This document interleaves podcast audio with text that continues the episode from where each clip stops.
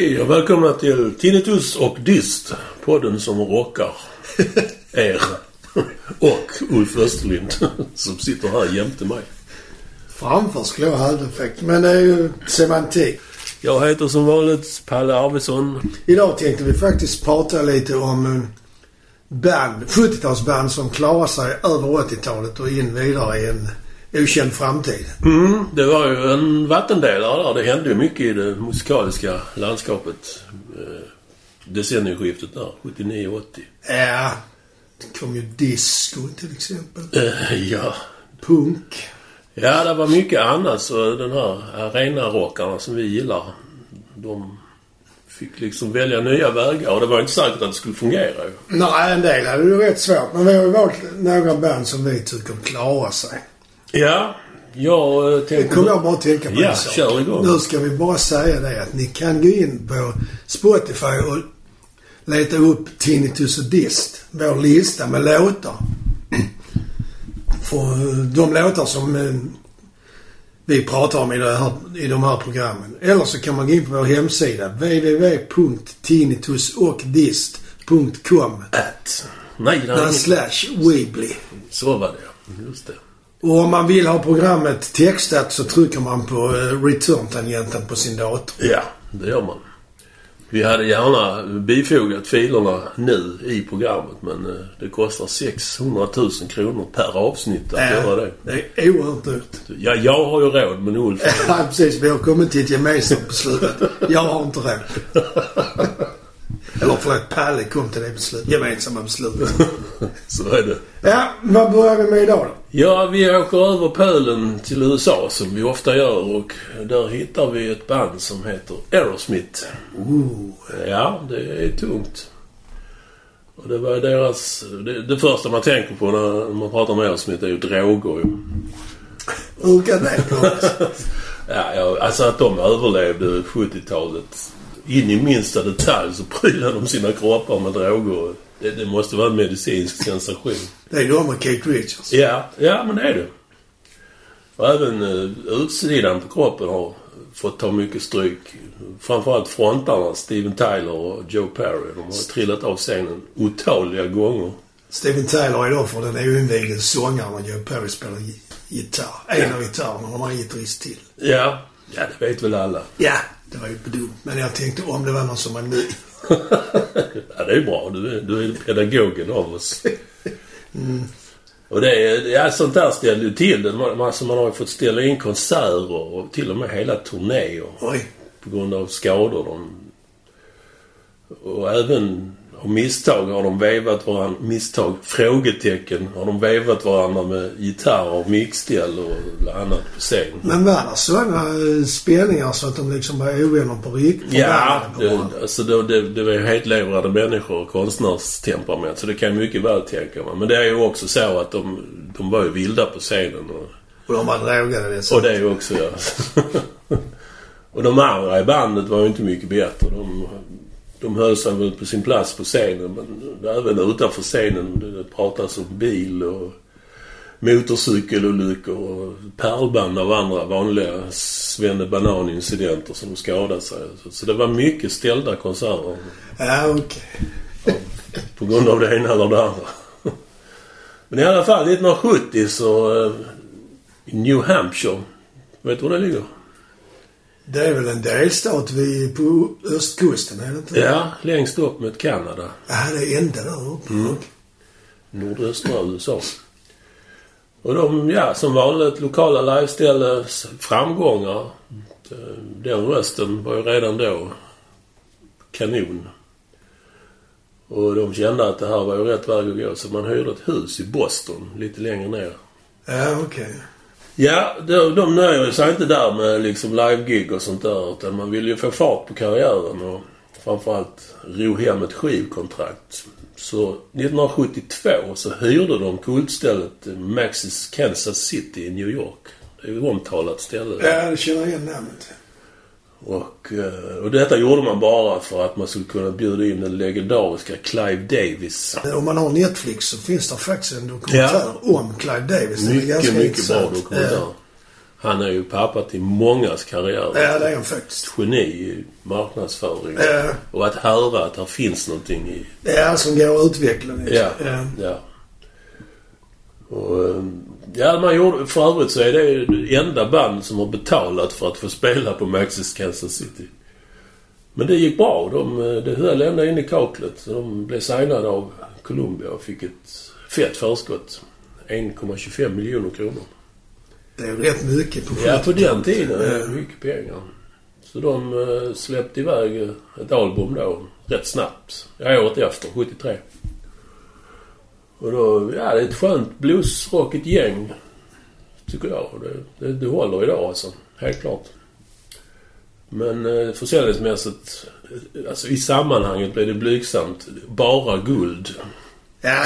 ja, det är ju ingenting. Säger han som har sålt 150 segrar. ja. Men såklart så har de dragits med sig när de fick kolossala framgångar. Ja, de åkte på de andra plattorna som kom Ja, sen. Ja, så den har så sålt. brukar det vara. Sammanlagt har de väl sålt några miljoner. Och här hittar vi ju Dream On till exempel. Den spelar de fortfarande live. Ja, det gör de. Och jag kollade lite på Spotify. En halv miljard lyssningar har de på den låten. Så den är het fortfarande. Den är 50 år gammal. Det finns även eh, Mama K som är en bra låt. Mamma Ken. Ken? Ja, K. Ken. K. Bokstaven K. Bara Mamma K. Ja. Ja, okej.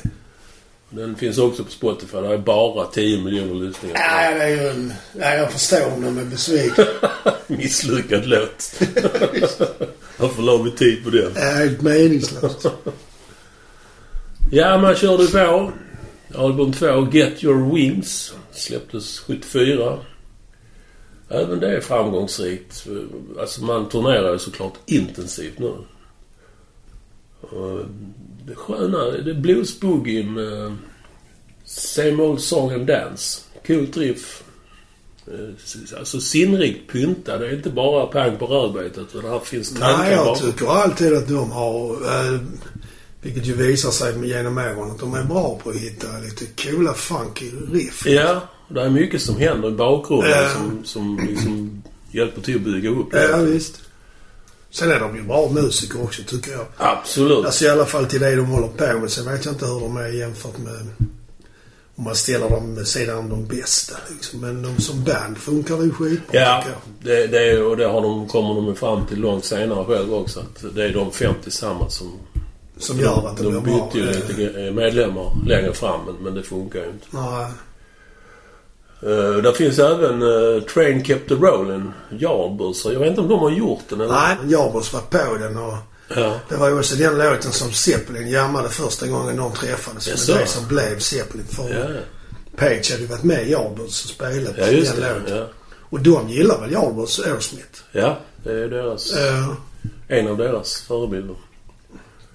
Och deras version av Train Kept the Rolling är, Här kan man ju ana embryot till senare giftermål mellan feta riff och funk. ja, okej. Som är lite av deras adelsmärke. Ja, det får man säga. Det håller jag med.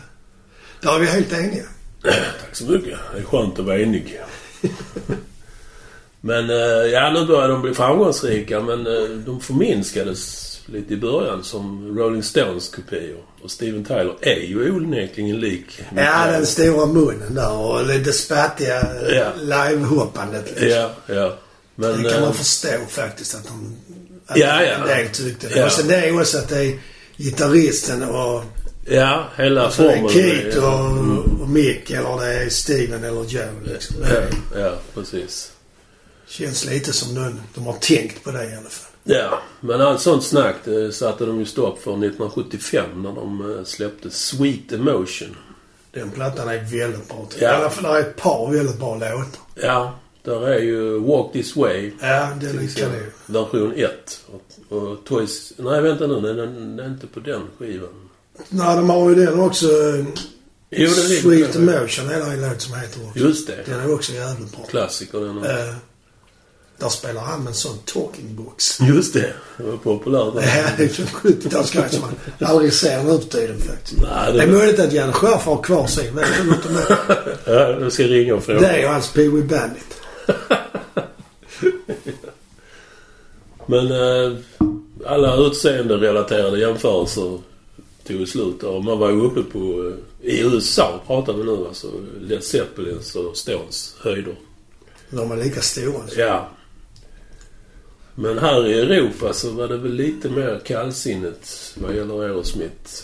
Fram- Framförallt i England. De, jag vet inte varför men... Var konstigt för det. Jag menar, gillar man Stones borde man gilla Aerosmith också. Ja, jag tycker det också. Det är mycket märkligt.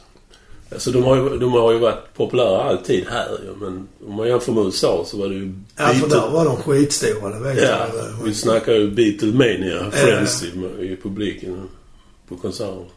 Jag upptäckte dem med eh, antingen den Sweet Emotion-plattan eller den som kom efter. Ja, Back in the Cell. ja.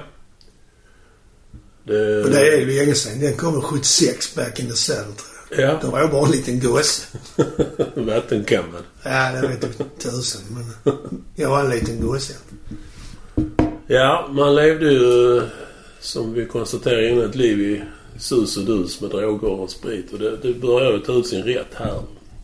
De släppte ju den som du sa och sen, sen kom Rocks. Som också blev framgångsrikt ekonomiskt. Men Det är så den heter, den plattan som jag kallar Back in the Cell.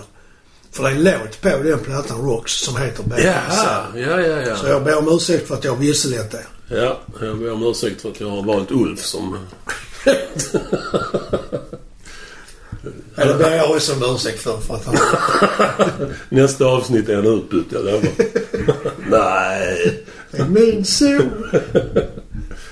Det är som Bill Wyman, han fick vara med för han hade en bra stärkare som de skulle sjunga igenom. Det var mycket så på den tiden.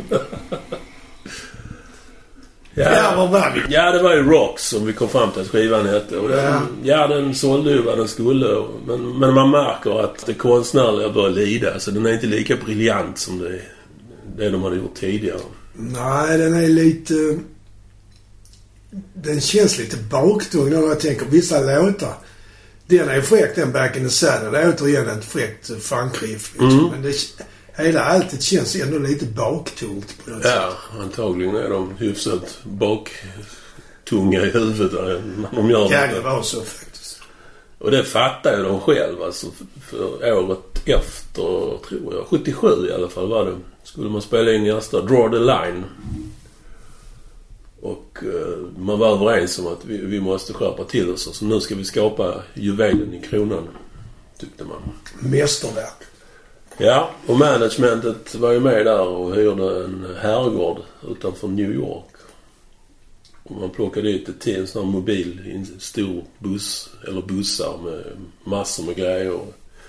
Instrumenten sattes upp i olika rum i huset för att få fram vissa klanger. E- eko, vad heter det? Reverb. Reverb. Det, Och det, det lär, lär de inte ha gjort på en eftermiddag. nej, det sånt tar ju säkert en stund. Alltså redan innan bandet kom hade det säkert kostat x antal dollar.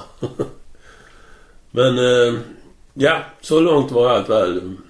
Och nu kommer drogtåget Aerosmith och tuffar in med Tyler och Perry i förarsätet. Full steam ahead mot Hälsefyr. Det finns en film om den inspelningen. Ja, det måste jag kolla på nätet. Jag kommer inte ihåg vad sett det. Men, men alltså de sysslar ju med allt annat än att spela in. Fullständigt kaos var det.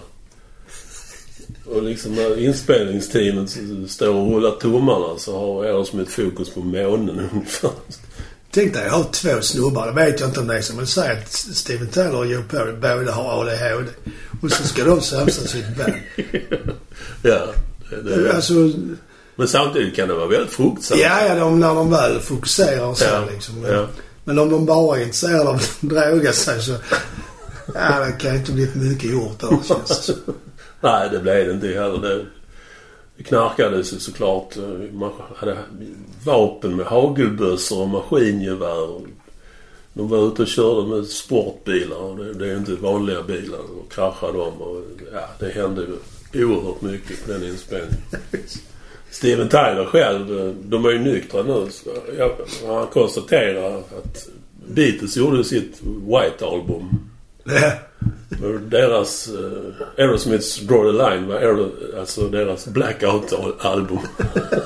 Jag trodde det var deras White Album men de hade så mycket pulver. ja, ja. Kokain och annat såklart. Både och. Ja, som sig bör så följde en turné och på den plattan. Och det blev ju en festival i droger och dysfunktionalitet. Bland annat hade crewet med sig en motorsåg till Perry så att han i lugn och ro kunde såga sönder hotellrummet smidigt. Vi snackar... Alltså, nu tänker man som crew där. Nej, men vad bra. Vi, eller det tar för lång tid för honom att slå sönder hotellrummet. Vi fixar en motorsåg. Ja, det är så sjukt. så- Och så, så tycker man det är liksom, ja men det är väl okej att vi ger honom en motorsåg och har på rummet när han är hög som ett hus. Och ska starta det. Det är, Det är ju inte så... Det är ju ingen risk att såga av sig en arm. Nej, där Så- kan inte finnas någon fara med det. Nej, nej visst. Det var ju förresten nu i denna perioden de fick sin titel The Toxic Twins. Ja, det är ett jävla bra namn tycker jag faktiskt. Ja, det säger allt. Det är ju då en eh, koppling, för de som inte känner till det, till eh, Stones Glimmer Twins. Ja, Som man kallar Jagger Richards när de producerar. ja. Men Toxic Twins är ju det är ju nästan bättre. Ja. Det är väldigt beskrivande i alla fall. Ja, man förstår ju att det, de kunde inte smyga med det drogmissbruket. Alla visste. Och det, ja, som alltid när man har nått toppen så finns det bara en väg. Och eh, det gnisslade väl. Ja, Joe Perry han lämnade, alltså gitarrist och wingman. Han lämnade 79. Och Brad Whitford, eh.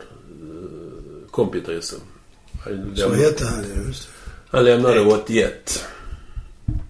Då är det bara trummisen Jerry Kramer kvar och med basisten Tom Hamilton. Just det. Eh, det. De plockar ju in annat folk men eh, som vi konstaterade innan, magin var borta. Alla kände ju det.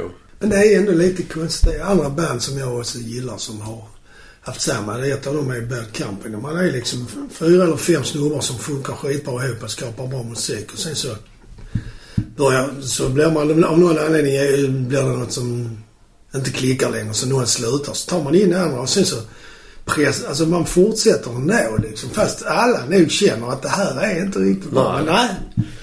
Steam, full steam ahead ändå liksom. Istället för nej vi kanske ska... sluta på Men det är väl pengarna som gör det.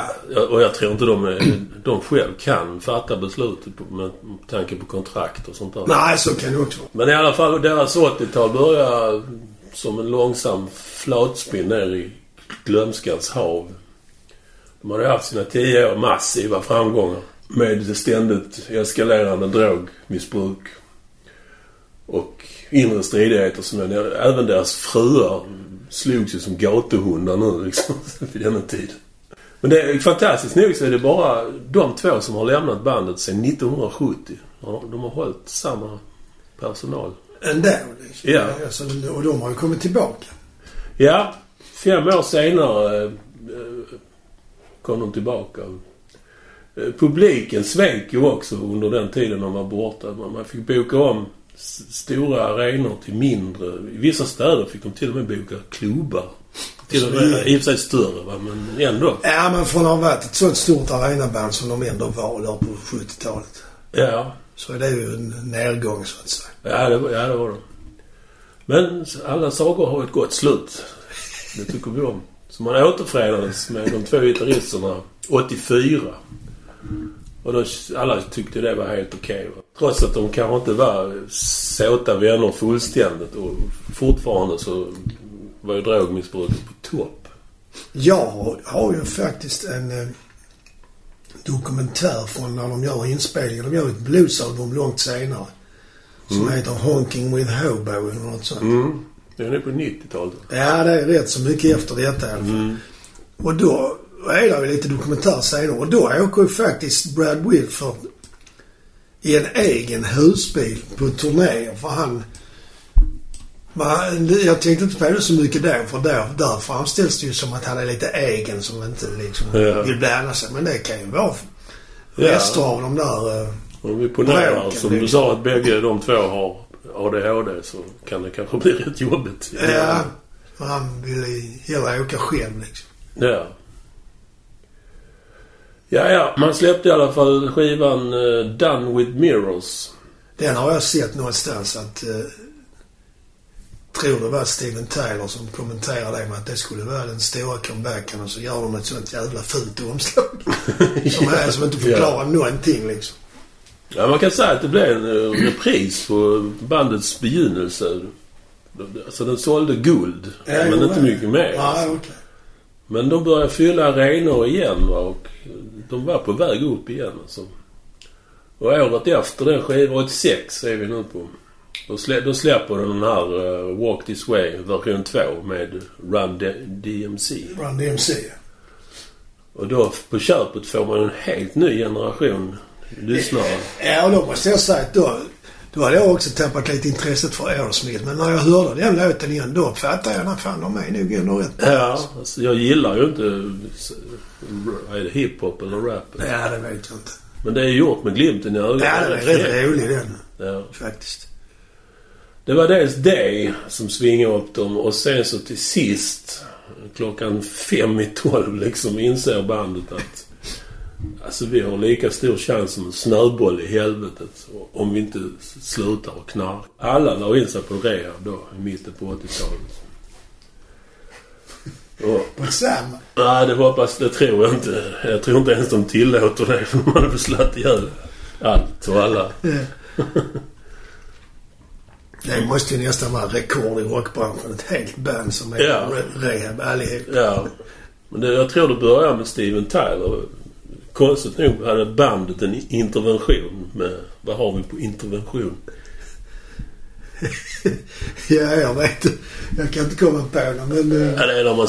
Ja, ja, du menar vad det är för något? Ja, Ja, det är när man sätter någon... eh, mot väggen. mot, eh, man samlas, de som betyder något för den personen, och så sätter man den och så berättar man att vi är oroliga för dig helt enkelt. Ja, och där sitter På grund av detta och detta och detta. Ja, exakt. Och det vanliga resultatet är ju då att de reser sig upp och går därifrån. Ja, Eller springer. ja. Det har jag själv varit med om. Alltså, Nej, Det var inte jag som sprang alltså. Men eh, ja, det är ju lite lustigt när man, man tänker att fyra... de fyra ska ju ha intervention med den femte i bandet. Ja, och någonstans så kom de väl fram till att alla fem måste sluta, annars går det inte. Så 87 är de helt rena och spelar in sin första skiva någonsin helt nyktra. Permanent Vacation. Och nu snackar vi peak nummer två. Här finns ju Dude. Looks like a Lady, ja. Den är cool den låten. Ja, det är den. Och här är funken eh, tillbaka. Ja, de börjar... Det har jag tänkt på också faktiskt. Där är det... Det är lite Walk This Way och Back in the Saddle och de, eh, Ja, de riffen där som får framträdande roll igen. ja, ja. Och så lyckas de bygga ihop det med tungt rockstuk. Ja, ja. Så det är jävligt fräckt. Ja, det är genialt gjort. Här finns ju även Ragdoll, Angel. Till och med Åsa-Nils hade kunnat sälja lika många plattor som de gjorde med de låtarna. Fem miljoner sålde de. Ja, det är inte dåligt faktiskt. Nej. Alltså de var ju down and out bara några år tidigare. Ja. Eh, ja, det blev turné på den skivan också. Och den lär ju ha varit en skärseld för Aerosmith. För de delade turnén med drogkonnässörerna Guns N' Roses. Då på 80-talet. Alltså, det måste ju vara någon som tänker ut sånt på ren jävelskap. nu är de nyktra, men det är inte bra. Vi sätter ihop dem med Guns N' Roses. Och sen på slutet så får de vara supportact båda två till Rolling Stones. Snacka om att fresta dem. Ja, slutligen 89 så hamrar de ju in sin absoluta 80-talspeak. Den här eh, Pump. G- Den är också bra. Mycket bra skiva. Janie's got a gun. Love in an elevator. Den är, där är verkligen ett coolt funkriff. Ja, det är det. det, är det. What it takes. 7 miljoner sålde den skivan. Och i den vevan är de ju också rätt så bra på att marknadsföra sig via MTV. Ja, absolut. Speciellt a Gun har en väldigt snygg video Ja. om jag minns rätt. Ja, de fick priser för sina videor också. Vem det nu var som gjorde dem. Ja, det, var nog inte de själva på det sättet. Liksom. Ja, sammanfattningsvis 80-talets början. Aerosmith i högsta grad skadeskjutet. Man förväntade att de skulle ta ner skjuten vilken dag som helst. Men De reste sig på nio och fick en ännu fetare karriär. Och en andra chans. Ja, och det är ju inte det heller att de dör sen efter 80-talet. För de seglar ju vidare. Ja, de är igång än idag. Ja, alltså. de är väl inte på de nivåerna, men även på 90-talet så gick det rätt så bra från Oh ja. början. Oh ja. Oh ja. De har den plattan med kospenen och en, eh, en, eh, Get a grip. ett örhänge. Den är också ganska bra. Ja, det är den. Ja, de släppte en hel ett pärlband med plattor på 90-talet. Ja, men då tackar vi Aerosmith. Ja, vi släpper väl in skrammelverkaren. Tycker jag.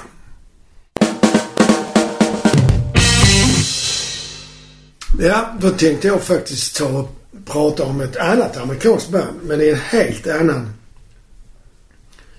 genre får man säga. Och det är tre bluessnubbar som skaffar skägg, lärde sig programmera, syntar och sequencers. Det lär väl inte vara svårt att Ja, ut det får en chans till att gissa. De byggde, eller en av medlemmarna byggde en bil. De började göra video, skapa sig en image och erövra världen. Mm. Vem är det? Kan det vara... Alltså jag gissar nu CC Top. Det är en mycket bra gissning. Vär- Det är ZZ Top. Det är världens coolaste bluesrockband. Men det har inte alltid varit det. Coola eller bluesrockband? Uh, coola. Nej, de är. Originella. Nej, det beror på vad man menar. Men coola var de nog inte i början utan de var nog mer bara sunkiga. ja. Jag vet inte men om man ska döma av Ja, deras... jag har egentligen ingen större koll men jag kommer ihåg de släppte en en hel del skivor på 70-talet. Ja, som det gjorde de. Världens fräckaste omslag som man drogs till och sen hörde man jaha, mhm. Men du, okej. du gillar inte den? Nej, jag gjorde ju inte det så det kan ju vara, det är mycket det som... Ja, men det var ett bluesrockband i början av 69 bildade Billy Gibbons, gitarristen, bandet med två andra medlemmar. Men det, det var inte konstigt nog, vilket jag alltid har trott, så var det inte Frank Beard, trummisen och Dusty Hill, basisten. Alltså, Utan det var två andra snubbar. Varav den ene spelar bas och orgel och den andra spelar trummor. Udda kombo. Ja, får man ju säga faktiskt. Fast eh, Doors har ju organisten som basar. Ja, det är sant. Nej, Så han spelar alltså bas på orgeln, eller vet du inte? den här som inte är med längre. Ja. Nej, det vet jag inte. Ja. Men man kan ju tänka att det var så kanske. Ja, låt han försvinna Ja. i glömskans Ja, men han dimma. nämns inte ens med namn så att, eh, det är ju inte så viktigt. Keith Emerson. Oj. I alla fall så slutade de och så kom Frank Beard med. Och han... Och då spelade man ett tag med Beard på trummor och Gibbons och den här basisten. Men eh, då slutar den här basisten också. Då tar Frank Beard med, lockar han till sig Dusty Hill som han har spelat med i tidigare. Mhm. I, I ett annat bluesband. Och de, eh, ja. Vi får, en, eh, vi får träffas och spela lite tycker de. Ja, det tycker jag. Dusty Hill är en bra idé. Så de bestämmer att de ska ses i någon sån rehearsalstudio klockan 15. Mm. Tiden går och ingen kommer. Frank och Billy sitter väl och pratar och spelar lite kanske. Men klockan blir 19. Ja, vi får väl gå och äta i alla fall. Hyfsat sent. Eh, Så de går och äter när de kommer tillbaka. Klockan 21 knackar det på dörren. Och då står Dusty Hill där. Bra packad. Han stapplar in i rummet, presenterar sig, faller ihop och somnar. Han ska vi ha. Ja, det måste ha gjort intryck han är ju kvar. Men i alla fall, de, eh, när de väl började spela sen dagen efter så, så fann de varandra rätt så snabbt. Det funkar liksom. Mm. Sen var det ju inte det att uh, Gibbons, han var ju lite känd redan från början faktiskt. För han, eller känd men. Det bandet han var med i, Moving Sidewalks tror jag de hette. Mm. De uh, spelade som förband till Jimi Hendrix när han turnerade i USA på ett par konserter. Ja, det är ju inte det lilla precis. Nej, och Henrik hörde honom då och nämnde sen i något sammanhang om han... Någon frågade honom om han hade någon intressanta nya gitarrister som han kände till. Då nämner, han ju Billy Gibbons faktiskt. Mhm. Det måste ju ändå ha varit en viss börda så liksom. Henrik har sagt att jag är bra, det är bäst jag... Ja, fast tror du man känner så när man är i Nej, de var inte 20-årsåldern? gamla. De var 19-20. Nej, det gör man kanske inte. Ja. Det kan ju vara både och. Inspiration och press. I vilket fall så de får kontrakt med London Records. Det är en underavdelning till Decca i USA. Du vet, de som sa det där att gitarrband är ute. Bummer. De gör fem plattor tillsammans under, eh, med London Records. Bland annat Tres Hombres. Som Ja. då har den Lagrange. Ja. Och den har väl även uh, Jesus Just Left Chicago, Waiting for the Bus. Det är en kul blueslåt. Ja, de, och det är ju deras stil liksom. Den plattan tog sig för övrigt till plats åtta.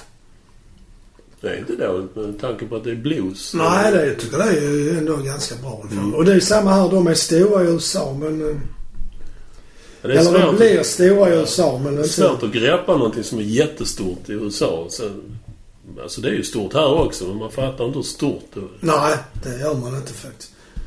Det är som Tom Petty. Han spelar mycket sällan i Ja, Europa det- ja. på senare år han var skitstor i USA. Ja, precis. Även han eh, Mellencamp. Ja, Det är lite samma faktiskt. ja. Ja, i alla fall. De gör ju fler plattor. De gör en som heter Texas eller Texas. Jag vet inte om man... Texas. Terrass. Kanske det me- mexikanska namnet på Texas. Jag vet inte. Ja, kanske.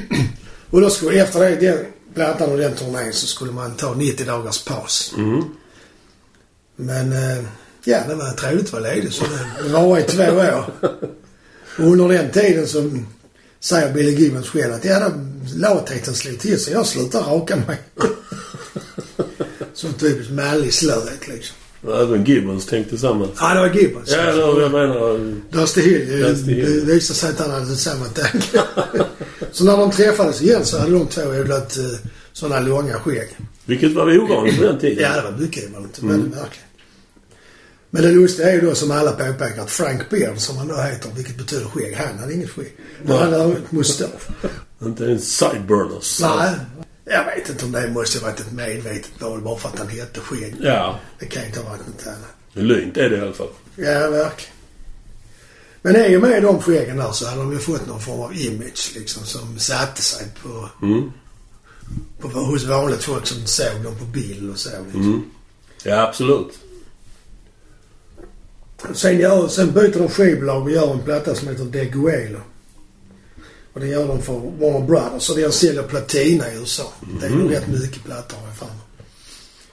Det är mer än Aerosmiths guld i alla fall. ja. Och då åker de också över till Europa och spelar dels på det här Old Grey Whistle Test i London. Ja, ja.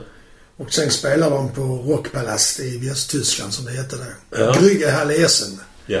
Och då Och där såg jag dem faktiskt på den sändningen. På, alltså på TV? Ja, på TV. Ja, det gjorde jag också. Det var ju liksom små glimtar i mörkret Ja. de här rockpalast Ja, det var inte mycket annat som var som på TV på, på den tiden. Men det gör att de får, som man säger på militärspråk, a foothold in Europe. Mhm. Alltså de får, de får publik här och börjar bygga den liksom. Ja. Innan hade de ju som sagt varit jättestora i USA men inte lika stora Europa. i Europa. Och kanske stora i USA kan också betyda stora i Texas. Jag vet inte riktigt faktiskt. Alltså att det var Nej. där de var störst. Det kanske räcker. Texas Ja, är stort. Texas är stort. Ja. Mm. Och när man då hade gjort den plattan så gjorde man en som heter El Loco som Mm. jag har också. Men den, den är ju bra men många av de som gillar det gamla CC Top tycker att de, eh, det är inte riktigt gamla utan Nej. de tappar i försäljning. Och de har också börjat experimentera lite med andra instrument, bland annat syntar. Det var faktiskt den första plattan jag köpte med ZZ Top. Ja, ja. Jag blev rätt besviken när jag lyssnade igenom. Ja, så jag, jag tycker ändå det är en del låtar som är coola. Ja, det är det ju. Men överlag så är den rätt intetsägande. Ja, den är lite slät kan man nog säga Mm. faktiskt. Men de var de som sagt, de började med syntar där. Och den plattan då, nummer 17 på Billboard, det är ju viss skillnad mot nummer 8 som de hade ja. innan liksom. Och platina, Hälften så bra. kan man säga. Och det, som sagt, den publiken, eh, eller inte publik, men liksom många andra band från sju- 70-talet, eller tidiga 70-talet, hade- fick ju svårt när tiderna ändras. Det kom ju punk och disco Ja. som vi sa. Det kom nya Ja, det var ett vägskäl. nya instrument med syntar och, och allt det här som Mm. gjorde att eh, banden behövde utvecklas. För att överleva helt enkelt. Det, ja, utvecklas eller ta en annan väg. Och det kan ju vara svårt att behålla sin cred om man liksom börjar spela helt annan musik. Ja, man, må- det är som med, med det mesta. Man måste väl göra små försiktiga förändringar Ja. så att publiken inte märker så mycket. Liksom. Det, det är ju nog det smartaste. Så de gör... eh, De spelar in och, och ger ut den här Eli- Eliminator som den då heter. Den första plattan. Mm. Där de egentligen förändrar hela sitt sound kan man ju säga. Mm, ja, Men absolut. de behåller ju ändå det här med Tyngden. Ja, och det är eh, gitarr, Billy Gibbons gitarrspel och mycket gitarr är det på plattan i och för sig. Eliminator betyder för det är en term de har hämtat från eh, när man vinner ett dragracinglopp. Då har man eliminerat motståndaren. Jaha, det visste jag inte. Så den bilen som vinner kallas för Eliminator tror jag. Ja. Som allt annat amerikanskt så är det inget meseri men när man betitlar någonting. Nej, nej. Plattan då, Elimin Eliminator, släpps eh, 23 mars 83. Megasuccé. Tju- 20 miljoner ex i världen. Oj, oj, oj. Det är inte dåligt. Nej, det är det inte. Det är ju enormt mycket egentligen. Och när de börjar diskussionerna och liksom förstadiet till produktionen, pre-production som det så fint heter. Just det. Då har Gibbons fått tillgång till en massa syntar eller som han själv säger att det var prylar som vi inte visste namnet på. Men man kunde vrida på knapparna och hålla på liksom till man tyckte det lät bra. Det var mer det det handlade om menar han för att de tyckte de var, grejerna var, det var kul och coolt liksom. Men de fattade, så lägger han fram i alla fall. Han fattar inte riktigt vad det är. Men han håller på och kluddar med knapparna och till sist så kommer det något bra ur det liksom. Mm. Och efter, i efterhand har han också, pratar han också i många intervjuer om att vikten av tuningen tempo. Så att det skulle låta rätt i eh, instrumenten men också att låtarnas tempo skulle... Mm. Redan nu får jag en kall kåre på ryggen. ja visst det var... De skickade, eller skickade ut vet jag inte men en av dem som de jobbar med han gick runt på diskorna och kollade liksom vad folk eh, gillar mest, vilket tempo. Eller om man till och med mätade det vet jag inte. 120. Ja, nästan i alla fall. 124 kom han fram, Jaha, okej. fram till. Men det, Allting är snabbare i USA. ja, och större. det också. Men i alla fall, den första hitlåten och låt ett på den Eliminator-plattan, Give Me All Your Love. Den går i det tempot som de har kom, räknat ut, får man ju säga. Mm. Att det här blir bra. Och när man lyssnar, nu när jag vet och har lyssnat så tänker jag också på att det är ju faktiskt ganska likt Billie Jean med Michael Jackson. Mm, ja, ja, ja. Bitet där. Eh, Men det är lite råare. Men det är lite samma, samma tanke och det är nästan samma tempo också. Men det är, det är snyggt gjort för man alltså... Det, det är ju inte töntigt på något sätt. Nej. Och plus att jag misstänker att den har spelats flitigt på diskotek också. Ja, det tror jag Där också. de normalt sett inte hade tillträde. Nej. Nej, men det så var det ju. Det kommer jag själv från den tiden jag gick på disco. Alltså, jag dansade inte. Tror du inget. Men jag, jag hörde musiken innan, before I passed out. som. Nej, så illa var det inte. Men där, där var jag inte delaktig i sådana... Excesser. Nej. dåliga excesser. Enligt Gibbons också så... De jobbar ju i en studio som heter Ardent som låg i Memphis, Tennessee. Och han menar att det fanns en speciell vibe där i Memphis som inte fanns där de kom ifrån. I, te- i Texas. Och det påverkar ju en del av skapandet också liksom. tror jag säkert. Och de hade ju, han fick som man säger nyckeln till Ardent Studio B så han kunde gå dit. De, de och han kunde gå dit. Stort sett när de ville och vrida på de här knapparna och hålla på liksom. Ja. Det, alltså det, överhuvudtaget är en underbar tid för att vara musiker. Och liksom, allting var ju möjligt och tillåtet. Ja, det var ju lite så faktiskt. Trots att det förmodligen kostar pengar för någon. Ja, det var väl någon som betalade den här studien men det var tydligen ändå inte så... Eh, den kan ju inte ha varit så sketdyr eftersom skivbolaget lät dem hållas liksom. Mm, nej. Men de jobbar på där. Det var Gibbons, en som heter Terry Manning, Lyndon Hudson. Jag tror det var han som gick runt på och mätte tempona. Och sen så John Fry som eh, var delägare i studion också. De skapade liksom soundet tillsammans. Och låtar till platt. Vilket ju faktiskt inte står på plattan. nej. Så de var inte producenter och liksom så? Nej, de, eh, enligt uh, uppgift så, som, så skrev den här, i alla fall den här Lyndon Hudson var med och skapade många låtar. Men han fick ingen cred och till sist så stämde han dem. Ja, det är klart. Och fick 600 000 dollar i skadestånd plus upphovsrätten till en låt som heter Thugs på den plattan. Aha. Och den plattan gick ju bra. 20 miljoner som jag sa. Fyra hits hade de. Give Me All Love är ju en. Mm. Lex. Sharp Dressed Man och en som heter TV Dinner. Mm. Plus en ballad med ena benet i det gamla CC Top-soundet. Du vet typ Blue Jean Blues. så. Mm. Fools for a Stocking. Det är den sortens blues. coola låtar allihopa. Och den låten heter I Need You Tonight. Och den är ganska bra. Alltså, Mm. alla, de flesta låtarna på plattan är faktiskt bra. Men den är ju bra ur det gamla CC Top-älskarperspektivet. Liksom. Är det här den eh, Ten Foot Pole? Nej, den är med på LOK. Ja, ja. Wouldn't touch it with a 10 foot pole. Ja, Jag lyssnar ju aldrig på texter men jag skilde mig senare där på 80-talet. Och det, jag applicerade den på kvinnor. Wouldn't touch them with a 10 foot pole.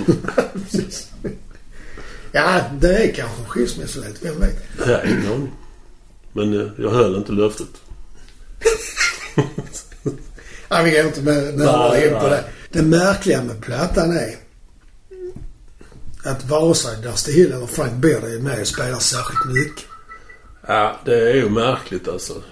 Att de köper det menar jag. Ja, för det tänker jag också. Att om man har varit med i Three Piece Band där man har Så sitt länge. eget instrument och sen får man inte vara med på en platta för att man ska testa maskiner. Hur kul hade det varit? Mm, nej, nej, det känns inte bra.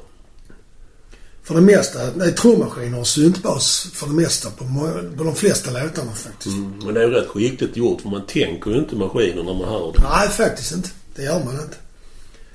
Men eh, enligt Billy Gibbons då, så, nej men de tyckte bara det var trevligt. Kunde de sitta i studion och dricka bier, det är ju visst. Det gör vi ändå, svarar de. ja, precis.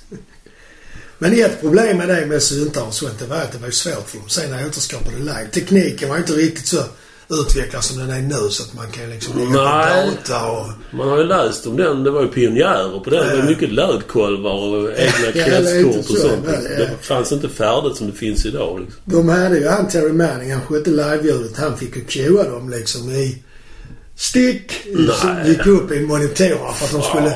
Nej men det har lite att göra med deras fria sätt att spela normalt. När de inte spelar med maskiner så, ja men är det någon som brinner, är vi kör en värst. Eller, en- Ja, ja, eller ja. rullar till på solet liksom. Som vanligt liksom. Ja, men det går ju inte om man har allting förprogrammerat Nej. att ska spela till det, eller med det liksom. Därav den kalla kåren på ryggen. Ja, ja visst, men så var det ju. Ja, ja. Det är som det där som jag sa, vad tyckte de om att bli sidsteppade? Basisten och trummisen. Det vet man inte eller? Ja, det kan ju vara att de inte gillade det, men sen så sålde man ju 20 miljoner och det blev turné och pengar. Ja, vad fan. Åka och runda till det. Men i samband med de här plattorna, låtarna då från den plattan så tar man det nog, jag tror det var det, nog nästan det viktigaste beslutet i deras karriär faktiskt. Det var att börja spela in video. Ja, ja, MTV-folken där. Ja, de hade coola Då videor. gör de tre videor med samma eh, snubbe som filmar allihopa. Mm. Och det blev megahits. Ja, verkligen. Den första är nog Give Me All Your Lovin' faktiskt de gör. Mm. Och så gör de till Lex och så gör de till Sharp Dressed Man också har jag för mig. Och Så gjorde de ett rätt lustigt val av medelålders kvinnor tillsammans med bil. Nej, det hade de inte. Du menar medelålders män tillsammans med en gammal bil med unga kvinnor. Exakt. Det är som Billy Gibbons själv sa, det var ju ett smart... Oj. Det var ju ett smart drag av regissören för vi var ju inte mycket att titta på. Men det slog an. Det, dels det är att de liksom... Videorna är fräcka och deras, image med skäggen blev lite coolt och bilen är Verkligen. fräck. Ja, ja. ja. Och de, man ser ju på dem att de, det är en viss humor i deras rörelser och Glimt sånt. i ögat Ja. hela tiden. Ja, absolut. Och jag tror det är det som slår an. Det, är i alla fall, det var i alla fall det som slog an på mig. Ja. Och jag var så, jag har sett dem två gånger. En gång i Göteborg och en gång i Göteborg faktiskt också till. Eh, Mm. 1900, när de hade gjort den här Afterburner som kommer efter, eh, efter El- Eliminator-plattan. Mm, Då åker de på turné. Det är då när de har Teddy på allting på scenen. Så en bil. Just det. Sånt som du har på din trumstol. Just det. När de klätt stärkare och allt och gitarr och allt sånt till sån Teddy. Ja, det kommer jag Jag undrar om de hade gitarr och bas monterade på någon slags hjul på magen. De snurrade. Ja, de snurrar dem så. Ja, Ja. precis. Fräckt.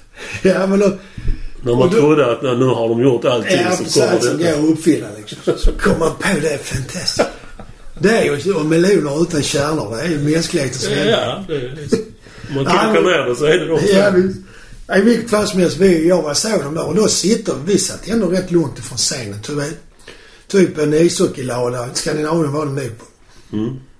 Och så halva mittlinjen på is, isbanan och så längre bak liksom. Fast inte ända ner vid målet. Nej. Men, så det är ju ändå en 40, 50, 60 meter till scen. Men även om vi sitter så långt ifrån så kan man ändå se den glimten i ögat i deras rörelser. Ja.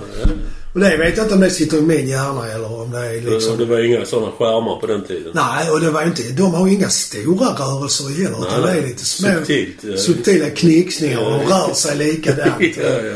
Och lite sånt intränat. Så det är Ja, det kommer jag ihåg man såg på TV. Jag har Det- sett dem live, men alltid eh, coola grejer. Ja, och det hade de var ju coola även när jag såg dem sen eh, 2011 tror jag. Ja, Jag var där och kollade.